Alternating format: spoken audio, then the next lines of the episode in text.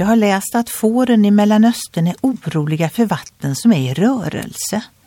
Så de håller sig helst borta från alla bäckar, floder och böljande hav.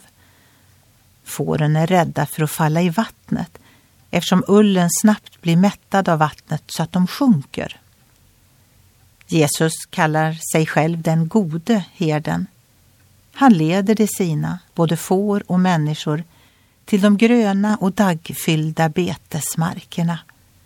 När vi är rädda har han omsorg om oss. David skrev om detta i herdesalmen. Han leder oss till viloplatser där vi kan känna oss trygga och få nya krafter. Här är ett löfte att vara glad över idag.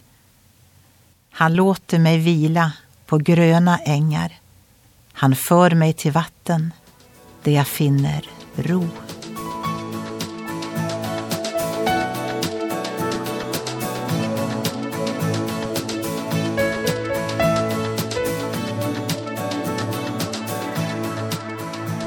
Ögonblick med Gud producerat av Marianne Källgren, Noria Sverige.